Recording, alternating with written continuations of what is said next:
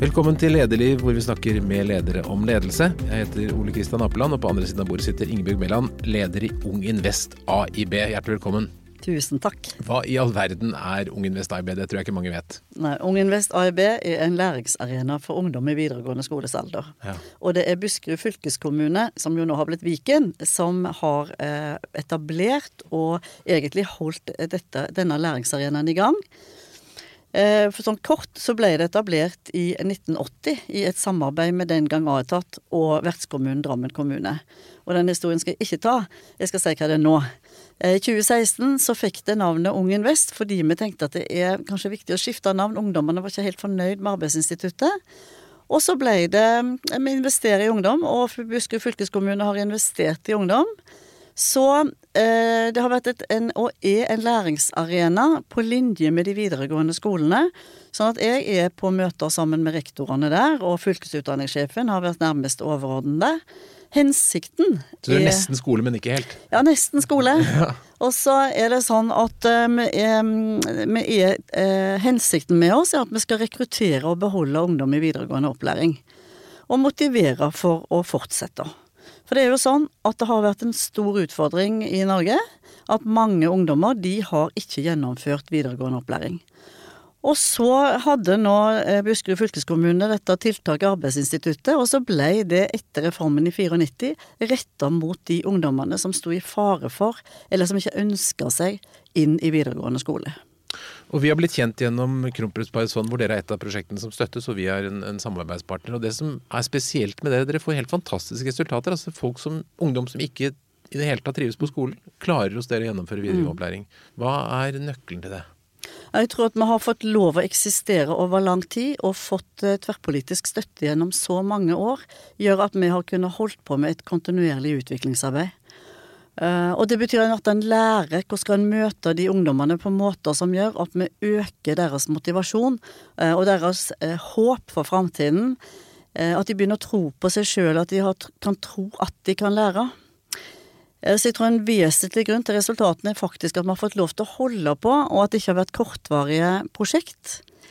At de fylkeskommunale politikerne har gitt oss ressurser nok til å få høy kvalitet. Og så tror jeg den siste er at vi ble veldig opptatt av at det finnes andre måter å møte de ungdommene på som kalles styrkebasert tilnærming. Med et Ja, sånt for det, tenkesett. det tenker jeg er noe som alle er interessert i å høre om. Dere, dere er grunnleggende positive, dere. Dere sier bare hei og velkommen og er bare snille mot de unge. Ja, det høres kanskje sånn ut når vi sier styrkebasert, Ja. eh, men jeg tror at eh, i styrkebasert så handler det mer om at en systematisk ser etter det som fungerer bra i organisasjonen og hos hverandre. Eh, Og så er det sånn at vi ser etter både det hos medarbeidere og i ungdommene. Så det er en eh, tilnærming som bygger på en grunnleggende forståelse av at det relasjonelle er veldig viktig når det gjelder eh, ledelse på alle nivå. Mm. så det gjelder ledelse av hele organisasjonen. Det gjelder ledelse i klasserom. Ja, det gjelder når vi er sammen.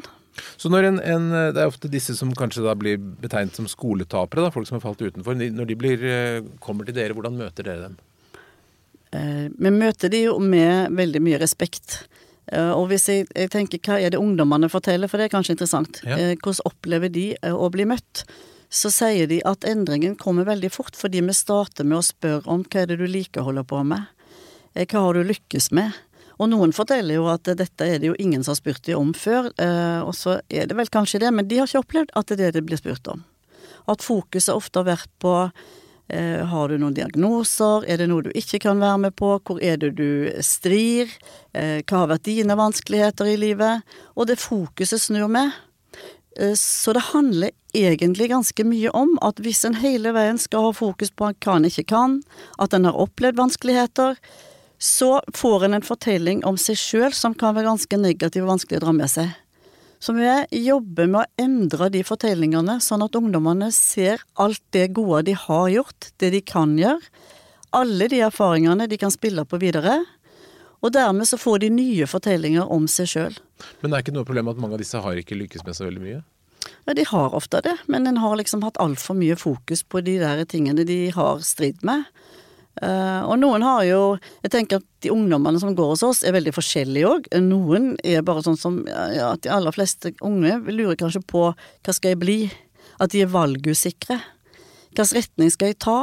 Og så har kanskje noen opplevd uh, andre utfordringer i livet som òg har gjort at det har vært vanskelige perioder å lære, da.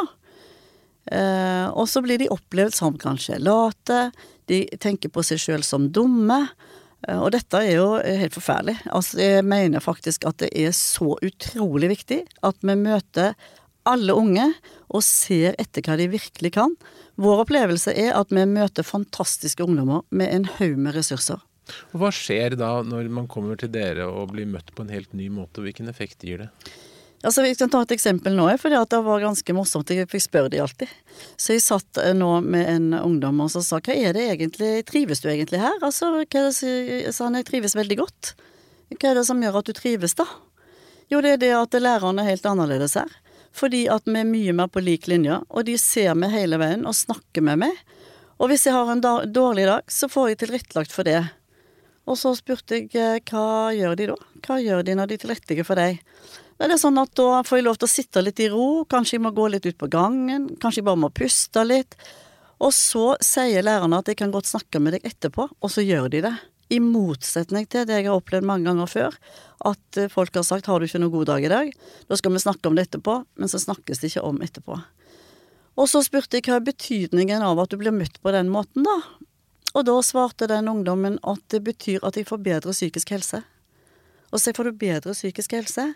Men sånn, ja, det er nesten som å være på et sted hvor vi bare liksom alle får økt psykisk helse. Uh, og det er jo veldig godt å høre det, for det er det vi ønsker. Og så ser vi at de lærer mye mer òg. For vi er jo opptatt av det, at det skal være læring. Og så vet, dette vet vi jo fra forskning, at jo mer en trives, Eh, jo mer og har en venner og føler at en hører til et sted, jo lettere lærer en. Mm. Så nå tok jeg ett eksempel, men jeg har hørt de her hvert år i over 20 år fra mange ungdommer. Og vi har jo hatt noen mastergrader som har gjennomført med kvalitative undersøkelser, og ungdommene sier det samme. Og fraværet går ofte veldig mye ned? Fraværet går ned, eh, for vi har jo hatt ungdommer med stort fravær. Det starter kanskje allerede i ungdomsskolen. Og da ser vi jo de kommer hver dag. Eh, vi har jo òg hatt undersøkelser og spurt foreldre på slutten av året hva det betydde for familien eller foreldrene. Og det som går igjen, er at foreldre sier 'endelig var det noen som så gutten eller jenta mi'. Eh, det har vært eh, en helt totalforandring i familien. Det har blitt mye roligere. Jeg har fått en mye gladere sønn. Nå slipper jeg å mase sønnen min opp om morgenen, for han vil på skolen. Så vi får altså fantastiske tilbakemeldinger. Og når jeg sier det, så er det sånn Så tenker jeg sånn som alltid gjør, at ja, men det er ikke alltid sånn. det er jo ikke sånn at vi alltid får det til, og noen ganger kan det ta litt tid, men vi får det til i veldig stor grad. Og dette med å være styrkebasert, hva, hva betyr det i praksis? At dere leter etter styrken hos hver enkelt elev? Altså, vi har jo fundert både måten vi leder på, og i det daglige knytta liksom inn i klasserommet og på verkstedene våre til eh, forskningsbasert og, og, og, til teori fra utdanningsforskning. Eh, så vi støtter oss på eh, noe som kalles positiv psykologi, der det er forskere, annet med Martin Seligman i spissen, som jobber med deprimerte gutter. Og han så at jo mer du snakket med de og spurte de om vanskene, Eh, jo mer gravde de seg på en måte ned. Men med en gang han begynte å spørre de om hva er det egentlig dere liksom elsker å holde på med, og, og hadde fokus på styrkene, så fikk han de fortere ut av depresjonen. Så samla han forskere fra hele verden, å, og, og han tenkte òg at det øker på med diagnoser her. Vi får et voldsomt vokabular, eh, språk for vansker. Vi trenger et språk for styrker. Eh, for det må jo være noe som gjør at til tross for at vi alle i perioder i livet kan få noen utfordringer, da, så er det noe som gjør at vi får ting til. Og det må være like lurt å forske etter hvorfor går det bra, mm. som å spørre etter hvorfor går det galt. Så sammen med forskere fra verden så gikk de inn og så prøvde de å se kan vi få satt ord på de styrkene som alle folk har, i større eller mindre grad. Og så gjorde de det, Eh, og der lagde de noen sånne tester som en kan ta på nettet. Men det vi gjorde, var at vi har eh, gått inn, og så har vi fått oversatt eh, noe av de Eller det språket da, som vi utvikla, begrepene på styrkene. Og så har vi eh, lært oss hvordan vi kan stille spørsmål for å identifisere hverandres styrker. Mm. Og så har du noen styrkekort. Og de har vi lagt på styrkekort. Ja. Og det kom egentlig fra Bjørn Hauger, som var en veldig god konsulent for oss i mange år. Og så har vi bare videreutvikla de, sånn at vi prøver å få de tilpassa enda bedre ungdom, da. Mm. Men Fortell om det. Hvordan bruker man styrkekort? Ja, det er eh, sånn at jeg kan eksempel, jeg skal ta dere inn i ledergruppa, fordi det, det, er viktig for meg å få sagt at når vi jobber på den måten, så er det ikke bare sånn inn mot ungdom. Eh, dette er jo teorier og tankegods som er tatt i bruk i svære organisasjoner verden over. Men for å ta det inn på ledelsesnivå, da. Så kan jeg f.eks. da si når lederne kommer eh, at i dag så har jeg lyst til å høre om at dere forteller en historie om når dere nå har leda og følt at nå lykkes jeg. Kanskje fått oppmuntra noen andre eller fått noe i gang. Og så forteller de da kanskje en liten historie om det. Bare akkurat det er en liten øvelse. Mm. Fordi at mange ledere har ikke fokus på det de får til, men de ville tenkt hva står jeg oppi nå som er vanskelig. Så dette handler om å endre tenkesett. Så det har vi jo holdt på med siden 2005. Så mine ledere er ganske kjappe på nå, mm. og så få eksempler fram. Da lytter oss andre, og så tar vi fram de her eh, styrkekortene. Mm. Og så går vi inn, og så leter vi hvilke styrker var mest fremtredende akkurat i den historien der. Eksempler på kort, hva kan det stå på sånne kort? Det kan eksempel stå uh, utholdenhet, altså at du har mot. Uh, eller at du er entusiastisk. Uh, og så står det noen begrunnelser for dette, da. Eh, at du f.eks. når du er utholdende, så går du i gang med ting, og du holder på til du lykkes, og at du involverer andre i arbeidet og, ja, og ser til at en når målene, da. Så kortene er et hjelpemiddel for å se styrken hos den enkelte? Ja, det er akkurat det. Det er at vi får det språket. Eh, for alle av oss, tror jeg, som er ledere, har iallfall lært når vi har vært i sånn lederutdanning, at det er viktig å gi konkrete tilbakemeldinger. Mm. Og de er det av og til lettere å gi nesten sånn negativt. Eh, vi trenger språk i Norge på positive ting. Hvilke kort er det du pleier å få? Jeg har jo fått, altså Nå tok jeg utholdende, for det har jeg fått mange ganger, da. fordi jeg har vært veldig utholdende. Eh, men det er morsomt, altså, fordi at vi bruker ulike styrker i ulike situasjoner. Så hvis at jeg forteller om jobben min, så vil folk si ja, du er utholdende og kanskje i andre situasjoner òg. Men hvis jeg tenker at jeg holder på med situps, eh, eller jeg går på ski og går bak mannen min f.eks., så er den utholdenheten ikke alltid til stede. Så det er i situasjonen, det. så det er viktig at, eh, at, alle av oss har ulike styrker. Vi bruker de, har de kanskje i noen situasjoner, tar de ikke sånn i bruk i andre. Og det er morsomt med de ungdommene, da. Fordi at når vi begynner å spørre dem om hva de liker å holde på med, så er det veldig lett å identifisere styrker. Og det har jo hendt at ungdommer har sagt Vet du hva, jeg visste ikke at de hadde den styrken, men nå vet jeg at de har den. Og hva gjør det med dem å vite at de har en styrke? Det vi ser at uh, noen av de som kommer til oss, får utrolig rask vekst. Uh, jeg tror det har med de styrkekortene å gjøre, men jeg tror jo det har med, med hele måten vi har dialoger på. Uh, vel så mye som Altså, vel så mye, kanskje feil å si, men i hvert fall i tillegg til at vi har konkrete verktøy så eh, har vi jobba med kulturen i hele organisasjonen.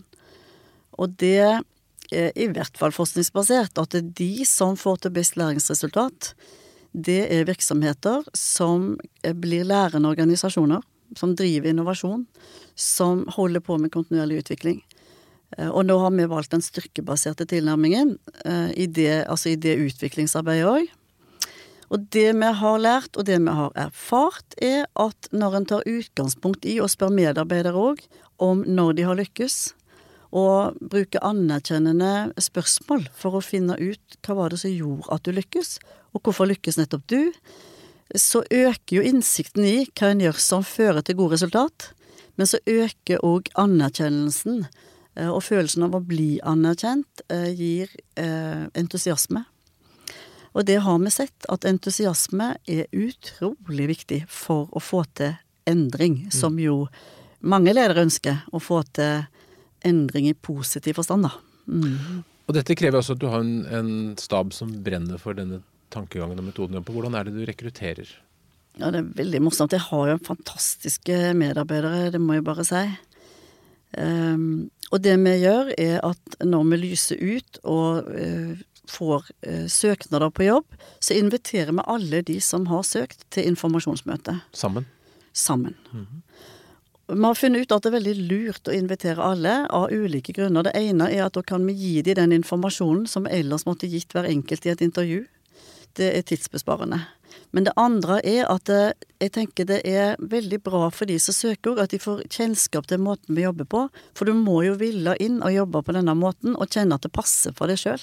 Men det å søke jobb er jo ofte en litt sånn hemmelig og privat prosess. Tør folk å stille opp på et møte sammen med masse andre jobbsøkere? Jeg har aldri opplevd nesten at noen har bedt om unntak fra offentlighet, altså. Så det er det tror jeg gjelder ofte høyere stillinger, altså. At Mm. de blir så opptatt av det. Så, så, hva, så da, det er da sikkert folk med bakgrunn fra skoleverket da, som søker, og så sitter de på møte. Hva, hva gjør, mer gjør du med dem? Ja, da kommer de, og vi kan jo ha flere stillinger ute samtidig òg, så da grupperer vi de alt etter hvilken stilling og hvilken avdeling de har søkt på. Eh, og så gir vi informasjon om hvorfor vi har valgt å invitere dem. at det er for at de skal få god kjennskap til oss, og kjenne etter om de syns dette passer, og at vi har veldig respekt hvis det er noen som tenker at denne jobben passer ikke for meg. Det er lov å trekke søknader. Og så sier vi at vi ønsker jo å få et bilde av dem, fordi det letter, eh, det letter jo jobben vår i forhold til hvem skal vi ta inn til intervju. Vi har utrolig mye gode søkere. Eh, Så etter at vi har gitt eh, masse informasjon om tenkesettet og arbeidstidsavtale og litt forskjellig, som er annerledes fra skole, så ber vi hver enkelt om at de skriver en liten lapp der de forteller oss hva er det som gjør at de fortsatt har eh, lyst på den jobben, og hvilke styrker og erfaringer har de som gjør at de er akkurat den rette. Og etter det så velger vi ut fire-fem til intervju. Så de blir utfordret på styrkene sine allerede med første møte. Ja. Og når man så får jobb hos deg, så er det jeg forstår at det er ganske flatt. Det er lite forskjell mellom eh, ansatte og elever. Ja, altså vi, har, vi ønsker å få til et likeverdig, levende læringsfellesskap. Eh, Så det er sånn at vi jobber veldig mye i team og grupper, og involvering er jo et sånt viktig stikkord for oss. Eh, Og så er det sånn en kan bli involvert, eller la seg involvere, og her gjelder begge deler. Eh, Så hele utviklingsarbeidet har blitt ledet av det vi kaller ei kjernegruppe. Men jeg tror ikke jeg sa, sa jeg at vi har eh, fem avdelinger i Buskerud. Nei, Nei. det sa du ikke. Så det er kanskje viktig å si det, for at de ligger jo med mange mils avstand. Og jeg er leder for alle de. Og dette skulle jo bli én organisasjon, da. Og på hver av de så er det en avdelingsleder. Og sammen med meg så utgjør det ledergruppa i Ungen Vest. Men så har jeg laga noe som heter kjernegruppe, og det er de lederne der, pluss to til tre representanter fra andre faggrupper. Og det er kjernegrupper som har egentlig vært med å eh, lede hele utviklingsarbeidet. Men som ansatt hos dere, så, så etter hva jeg har forstått, så kan man ikke gjemme seg inn på lærerværelset? Nei, for vi har ikke lærerværelse, men vi har gode kontor. Eh, og det er litt av dette med likeverdige læringsfellesskap, da. Eh, og etter hvert som det utviklingsarbeidet har gått siden 2005, så har vi jo òg involvert de unge læringskollegaene våre, altså de som kalles elever. Unge læringskollegaer har vi tatt inn i den kjernegruppa. Mm. ikke på alle møtene, men på noen, og vi inviterer de på fellesfagdager for hele personalet. Så når du tenker litt sånn flat struktur, så er det jo ganske flatt. Eh, Det det betyr for meg, er at eh, jeg jobber ut ifra en forståelse av at det ikke er jeg som er klokest. Eh, Det sitter vanvittig mye kompetanse i medarbeiderne og de unge læringskollegaene. Men det er for da lærere som kommer fra en tradisjonell skole, kommer over til dere, og så skal man Jeg tror dere spiser lunsj sammen med elevene også. Eh, Ja. Vi har alle pauser sammen. Blir ikke det litt rart? Eller vil, vil folk ha det? Ja, de som begynner hos oss vil ha det. For ellers hadde de ikke vært der. Um, og jeg, det er sånn altså at det betyr utrolig mye for oss at vi har felles kantine og har pauser, og at vi tenker at vi er her og må lære sammen med de unge. De kan ting som vi ikke kan, altså. De er inne i den der tida framover, mens vi, noen av oss i hvert fall, har tilbakelagt mye av livet. Uh, og vi trenger de erfaringene med, uh, og jeg forstår ikke helt hvordan vi heller skal få motivert de ungdommene hvis vi ikke blir kjent med de. Vi må liksom vite hva er det de ønsker for livet sitt. Hvor er det de vil hen? Eh, Og det har vi jo et annet verktøy som ja, kalles veikart, eh, som vi òg bruker for hele organisasjonen. eh, Og vi bruker det for hvert team. Og så bruker vi det ned til hver enkelt ungdom. Men det handler, for alle de nivåene, så handler det egentlig om det samme. Hvor er det vi vil hen? Fortell hvordan et veikart fungerer for en elev. For, for en elev, for en ungdom. Mm. Ja, det fungerer sånn at hvis du begynner hos oss, da, så eh, ønsker vi for det første hjertelig velkommen og takke for at de har valgt oss. Og så sier vi at vi vil gjerne bli godt kjent med deg, fordi at vi vil at du skal ha størst mulig utbytte av å være her. Og da må vi egentlig vite litt eh, om deg, og, eh, kanskje være med å bidra til at du kan se litt hvor du vil i livet. En del av de ungdommene som kommer til oss, de har nok ikke tenkt så mye på framtid, eh, og så begynner vi å stille spørsmål. Og da kaller vi det for veikart. Det er liksom et langt ark hvor vi begynner med drømmen oppi toppen av det arket. Så første spørsmål er gjerne kan vi liksom bli litt enige om Har du lyst til å se tre år, fem år eller ti år fram? Og mange av de vil gjerne se ti år fram.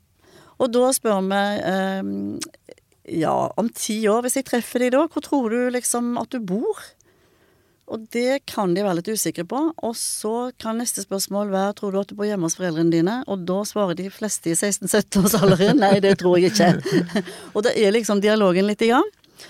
Og så sier vi men hvor tror du, eller hvis du skulle ønske noe, da. Og der er det utrolig hva som kommer, altså. Eh, og så, eh, og da handler det gjerne om hvor de bor, fordi at det er en fin inngang til Hvis du bor i dette her flotte huset, da, eller leiligheten i Oslo, det er jo dyrt. Eh, hva tror du at du holder på med? Og det vet de ikke alltid. Det kan jo være fint, for da vet vi jo at ikke de er så klar over utdanningsretningen sin. Så vi kan ta utgangspunkt i det. Eh, Men de er veldig raske på at de jobber med et eller annet. Og så spør vi de gjerne om fritid, sånn at vi går liksom inn på hele forløpet. Eh, og prøver å få bilder sammen med de av hvordan kan det se ut, et godt liv. Vi kan gå inn i leiligheten og spør, stille spørsmål om eh, Hvis jeg kommer på besøk til deg, da, hvordan ser du på kjøkkenet ditt? Og det er en fantastisk reise, altså. Og så er det noen som sier at denne dette vet jeg, klarer ikke svare på alle disse spørsmålene her. Og det er jo forståelig. Og da er det viktig å gi de ungdommene tenkepause, og behandle de med respekt, og si det forstår jeg godt. Men kan vi ikke tenke litt på det? Og så kan vi snakke litt mer om det neste gang. Og hva skjer etter at man har laget det bildet av fremtiden, da? Ja, så er vi jo veldig mye inn på utdanning, selvsagt òg. Altså, mange av de vet hva de har lyst til å holde på med. Men når vi har fått det bildet, så er et veldig viktig spørsmål eh, hvilket steg tror du det er viktig å ta nå for at du skal kunne realisere den eh, drømmen der framme? Og da opplever vi at ungdommer som har et stort fra, fravær, eh, sier at det er viktig å komme på skolen hver dag. Og så tar vi utgangspunkt i det at til og med de som har hatt stort fravær, har for det meste vært på skolen. Så da er gjerne neste spørsmål Du kan ikke du fortelle meg om en gang du kom på skolen og hadde det bra og møtte opp? For det vil jeg gjerne høre om. Og så forteller de om en sånn gang, for det har alle eksempler på.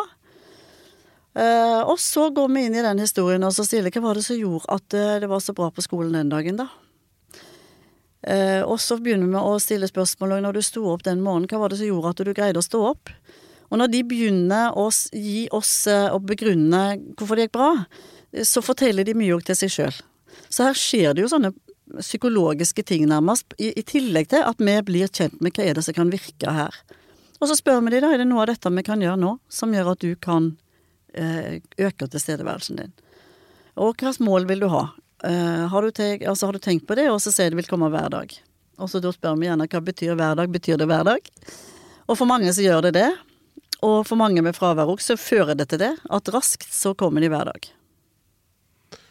Det er fascinerende.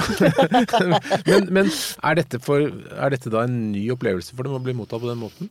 Ja, det er det vi opplever at de sier, altså at de liksom stadig undersøker. Eh, selv, om ting, sånn, selv om ting i livet kan være vanskelig. Eh, og selv om og, eh, Hvis du tenker på folk i organisasjoner har jo mye, sn- snakker ofte mye om det som ikke fungerer. Fordi vi tar alt det andre for gitt. Og det er her hele logikken er annerledes i et styrkebasert tenkesett. Altså at vi må venne oss til at det er utrolig mange ting som fungerer. Og eh, det vi har lært da via David Cooper, som er en av eh, organisasjonspsykolog For han, det var jo han som, som jeg var med å bygge mye av vår forståelse på. Han opplevde at med en gang en begynte å undersøke de tingene som en har tatt for gitt, og som fungerer, og finne suksessfaktorene for det, så skjer liksom det positive endringer. Så mange av de tingene som en kanskje tenkte de der tingene fungerer ikke i hele tatt, og som en vanligvis spør om hvorfor fungerer det ikke, eh, altså de, de, begynner å fungere av seg sjøl, nærmest. Fordi at en flytter fokuset. Eh, ja. Men du, men du får jo da i stor grad ungdom som ofte er gitt opp av andre skoler, eller de selv har gitt opp skolen, det har ikke fungert. Og så kommer de til dere, og så får de et veikart. Hvor mange av dem klarer å måtte følge, følge, den løypa de får, og, og faktisk komme ut med, med et vitnesbyrd? Altså ja, eh, jeg har resultater på gjennomføring, eller på eh, hvor er de året etter de har vært hos oss. Men jeg vil si at eh, om de begynner med en drøm, så er det ikke sånn at vi tenker at å, nå har de en drøm, det skal de ha for alltid. For det er viktig når du er ungdom. Mm. At dette er et dialogverktøy som gjør at du kan endre drømmen din etter hvert som du holder på. Og det gjør mange. Altså de, de, de blir tydeligere og tydeligere for dem hvor de vil. Men vi har jo ettårsundersøkelser og treårsundersøkelser eh, og femårsundersøkelser hvor er ungdommene etter at de har vært hos oss. Og det er jo der vi ser at eh, over 90 er i positiv virksomhet i november året etter, eller altså høsten etter at de gikk ut fra oss. Det er fantastisk. Ja, det mest fantastiske er kanskje at over 80% enten er i skole eller utdanning. Eh, og det det har jo vekt, vekt nasjonal interesse. Så vi tror vi gjør noe rett. Så det må jeg jo si det òg, at eh, vi får ikke tak i alle som har gått hos oss, men vi har jo hatt over 70% svarprosent, og det regnes for veldig bra. Mm -hmm. Men eh, det er jo interessant, for dette med frafall i videregående skole er jo et sånt nasjonalt tema har vært i mange år. Mm. Vi snakker om at én av fire har ikke fullført videregående mm. opplæring etter fem år siden det startet. Hva er det som Altså det, det, det gjør jo at dere blir interessant, men, men hvorfor er det så vanskelig? Hvorfor gjør ikke alle dette? Altså For det første så handler det om å endre tenkesett og forståelse. Eh, og den grunnleggende forståelsen som har vært eh, det handler nok om at mye skjer inni individet. Eh, mens vår forståelse bygger på at det skjer mellom folk. Eh, og de fleste skjønner det når jeg sier at eh, har, de fleste av oss har erfart det sjøl, at i noen sammenhenger så kan en komme inn, og så føler en seg helt trygg. En kjenner bare liksom at nå ble jeg på mitt beste. Og så kan du komme inn i helt andre situasjoner der du blir veldig utrygg. Og hvis du sier noe, så føler du liksom at det falt helt til bakken, og du ble liksom litt dum. og det betyr at vi har mange versjoner av oss sjøl i oss. Hvis en da går inn og legger til rette for at alle skal få tatt ut den beste versjonen, dette er jo blitt veldig moderne å si, den mm. beste versjonen av en sjøl, mm. så høres nesten ut som en floskel, men en kan jobbe med det. Men det krever litt andre typer forståelser, andre typer tilnærminger. Og så tror jeg at vårt skolesystem det, det er bygd på noen voldsomme tradisjoner som er vanskelig å endre, og noen av de er veldig gode. Men jeg har etter hvert, når jeg har truffet så mye ungdom som har opplevd såpass tøffe dager i skolen, og vi vet at det skjer fortsatt, så tenker jeg at det er grunnlag for at vi er nødt for å begynne å tenke nytt om en del, en del av de tingene vi gjør. Og mye av det her handler om ledelse. Men er det lærerutdanningen som er svak, eller er det kulturen i skolen, eller er det samfunnet generelt? Hva tenker du? Altså, jeg tror at det har noen ting med en grunnleggende forståelse å gjøre. For jeg tror folks intensjoner i norsk skole finnes det utrolig mange dyktige lærere. De står på noe vanvittig på. Eh, det fins utrolig mange gode foreldre rundt omkring. Eh, og det fins eh, flotte rektorer. Så det, det, liksom, det feilet går på et liksom, Det går ikke på personer, men jeg tror det går på noen forståelser. Så hvis jeg skulle liksom, Jeg har liksom tenkt Enkelte av de tingene vi gjør, er helt enkle å gjøre.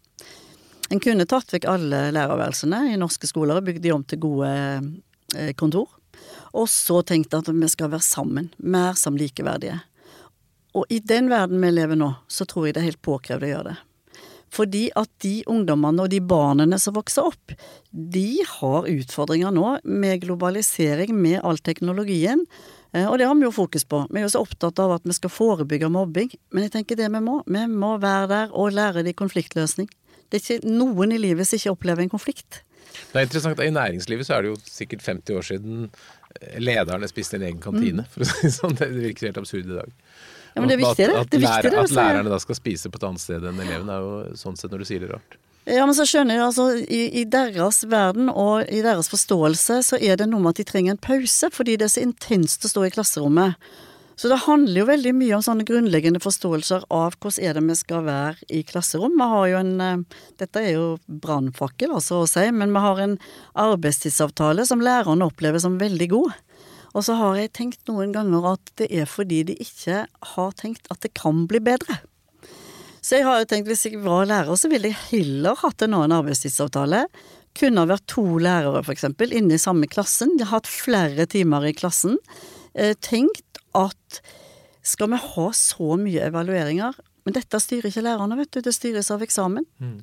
Så det, vi trenger sette oss ned og ha litt åpnere dialoger, tror jeg, om hva er det som fører til økt læring. Eh, politikerne i beste mening har sagt vi må ha økt læringstrykk, vi må ha økt gjennomføring. Og det er kjedelig med økt læringstrykk. Det er mye mer gøy å skape mer motivasjon hvis vi snakker om økt læringsglede. Men denne tankegangen med å møte folk positivt og lete etter styrkene, tenker du den kan eh, fungere i alle typer organisasjoner, alle typer virksomheter? Ja, Det ser jeg i hvert fall innenfor idretten, så har jo det ført til vanvittige prestasjoner. Altså Marit Breivik er en av de som jeg har fulgt nøye og hørt når hun snakker. Jeg har brukt det som eksempel og sagt at hvor vil du være? Vil du være på Marit Breivik sitt lag, eller vil du være på han russeren som sto og kjefta? om? men, men, det er klart det må jo tilpasses de forskjellige stedene. Og så tror jeg òg at det er en stor misforståelse at noen tenker at når du jobber styrkebasert, så er du bare glad. Eh, du er bare snill. Eh, og sånn er det ikke er egentlig mye mer krevende å jobbe styrkebasert enn å jobbe med styringsledelse som, og New Public Management, som jo ble innført på 90-tallet. Jeg har vært med på alt det her. Så jeg tenker jo at noe av styringsformen med mål- og resultatbasert ledelse har gjort noe med oss, som, eh, som vel òg forskning etter hvert har vist at det er ikke så lurt. Vi må finne nye måter å gjøre det på. Mm. For de av lytterne som har eh, barn, da, tenåringsbarn kanskje, tenker du at eh, styrkebasert tilnærming kan være bra også i oppdragelse? Ja, det tror jeg. Jeg tror det er mange som gjør det òg. Mm. Altså, for jeg tror faktisk at mange gjør dette, men bare har bare liksom aldri tenkt at det er det vi holder på med. Eh, jeg tror mange av de som jobber hos oss, har sagt 'å, det klaffer helt med meg'. Det er ikke nytt dette, vet du. Det er bare satt i et system med å knytte til teori som har gitt oss strategier for å få det til å fungere som en ledelse, altså eh, strategier for ledelse, da. Eh, strategier for å være sammen på måter som gjør at folk fungerer godt. Og så er det viktig å si at vi hopper ikke over når ting er vanskelige. Men vi har lært oss å prøve å vende og lage spørsmål som er mer offensive læringsspørsmål. Og hvis noen gjør noe galt, så er det jo ikke sånn at vi ikke stopper opp og ser at dette her kan ikke fortsette. Ehm, med å finne andre måter å gjøre det på. Så det handler veldig mye om å øve seg på nye ferdigheter som leder, som lærer, som ungdom. En må andre, øve opp andre ferdigheter, så en løser ting på bedre måter, da. Men så hvordan i et styrkebasert eh, tankesett, når man da opplever noen som gjør noe som er feil, hvordan, hvordan tilnærmer man seg da det? Ja, altså hvis det, det hvis jeg er elev hos deg og så gjør jeg noe som jeg absolutt ikke skal. Ja, for eksempel så rygger du ut en bil, og det skulle du ikke gjort, og du har ikke mm, mm. førerkort, vet du. Ja, for eksempel. så har du jo rygga den bilen ut, da. Hva sier du da? Du er så flink du er til å kjøre, sier du da? Eller hva sier du? ja. Nei, da må en jo bare si at vet du at det her, det går ikke an. Um, du kan ikke bare hoppe inn i bilen og så kjøre den ut. Men nå har jeg sett at du er ganske klok, vet du. For jeg har sett deg i andre sammenhenger, så jeg vet at når du bare får tenkt deg om, så kommer du til å gjøre det der en gang til. Eh, og så kanskje gå over på å snakke om hva, når han har sett den personen gjøre noe bra. Så han ikke holder på å grave seg ned i 'hvorfor gjorde du det'? Altså Den ungdommen vet at dette var galt. En mm. trenger ikke tusen ganger fortelle de det. Men du har da holdt på lenge i Buskerud med dette. Dere har skalert ut til flere steder i Buskerud. Ser du for deg at dette kan uh, bli større i hele Norge? Vi har et samarbeid med NTNU om et studium i styrkebasert tenkesett for ledelse og organisasjonsutvikling. Um, og det, der har vi jo hatt mange studenter nå gjennom. Det, de kommer jo både fra barnevern og helsesøstre og kulturarbeidere, lærere i skole, barnehage. Eh, så jeg håper jo at vi gjennom det, og det vet jeg jo at vi har gjort, at vi sprer interesse for tenkesettet. Altså har vi hatt utrolig mye besøk, studiebesøk. Og vi blir invitert på konferanser og reiser rundt, og det er en voldsom interesse. Så mye at det har jo spredd opp Det har jo dukket opp lignende tiltak flere steder. Det vi har jobba for nå de siste årene, er å få politikere på banen for å få til en nasjonal pilot. Fordi at jeg tenker vi har ikke råd egentlig til å miste de her eh, ressursene vi har i de ungdommene her. Eh, Norge trenger det. Verden trenger det. Vi er jo inne i et verdensomspennende eh, nettverk av folk som jobber på denne måten. Så det jeg håper er jo at vi, Nå har vi jo fått ny kunnskapsminister, så jeg kan jo snakke direkte til hun nå. Mm, det trengs noen millioner for at de fylkeskommunene som ønsker å ha Ung Invest-avdelinger, kan få øh, åpne de. Mm. Og så er det viktig, tror jeg, å følge det med aksjonsforskning, sånn at en hele veien lærer underveis av det som blir gjort. Men jeg tror at vi kan øke gjennomføringen og læringsgleden og få bedre psykisk helse hvis vi tør å tenke nytt inn i de eh, eh, tradisjonelle skolene, men òg med tilførsel av noe som ligger utafor. Mm. Men med denne bakgrunnen, Engbe, hvis noen kommer til deg og sier 'jeg vil bli leder, jeg vil bli en veldig god sjef', hvilke tre råd Kanskje hva vil lede Ung Invest, kanskje noe helt annet. Hvilke tre råd vil du gi til en som vil bli en leder og jobbe styrkebasert? da? Eh, at det er viktig å få lært seg noen prosessstrategier. Sånn at en eh, involverer medarbeiderne i retningen. En vet jo at en skal jobbe med, med læring når du er hos oss, men at en eh, lærer seg måter å få alle involvert i hva, hva er det vi vil mm. oppnå her. Det så det er nummer én, involvering? Mm. Ja, og så er det å egentlig å ha høye forventninger til hva en kan få til. At en klarer å tenke utover rammene, og at det er noe større enn oss sjøl. Eh, så vi snakker jo hos oss om fred i verden, altså. Vi, vi, må begynne hos oss, men det er fred i verden vi ønsker. Eh, men å klare å lage tydelige bilder av hva kan vi oppnå hvis vi klarer å bruke alle styrkene og eh, eh, eh få identifisert de der suksessfaktorene når vi lykkes, da. Mm. Hvordan ser det ut da, da? Så høye forventninger. Så høye forventninger, og det å identifisere suksessfaktorer mm. sammen med folkene, og lage bildene sammen med, med folkene. Så det være leder, mener jeg, å la, lage regier Du kan få gi ett råd til. Det var tre. Du får tre. eh, ja. Ja, det tror jeg er å forstå at det sitter utrolig mye kompetanse og vilje hos medarbeiderne til å gjøre det som er bra. Det er derfor de er der. For folk vil helst lykkes. Folk vil lykkes, og folk vil gjøre bra ting. Ingebjørg Meland, tusen takk for at du kom til Lederliv. Tusen takk skal du ha. Lederliv er en podkast fra Apeland. Redaksjonen består av Ellen Paulsen, Lars Jarle Melum, Lars Volden og meg, som heter Ole Kristian Apeland. Hvis du vil høre mer, så trykk abonner. Da får du varsel når det kommer nye episoder. Og hvis du har noen tips, så send en e-post til tips at lederliv eller til meg, ole at apeland.no. Takk for at du lytter.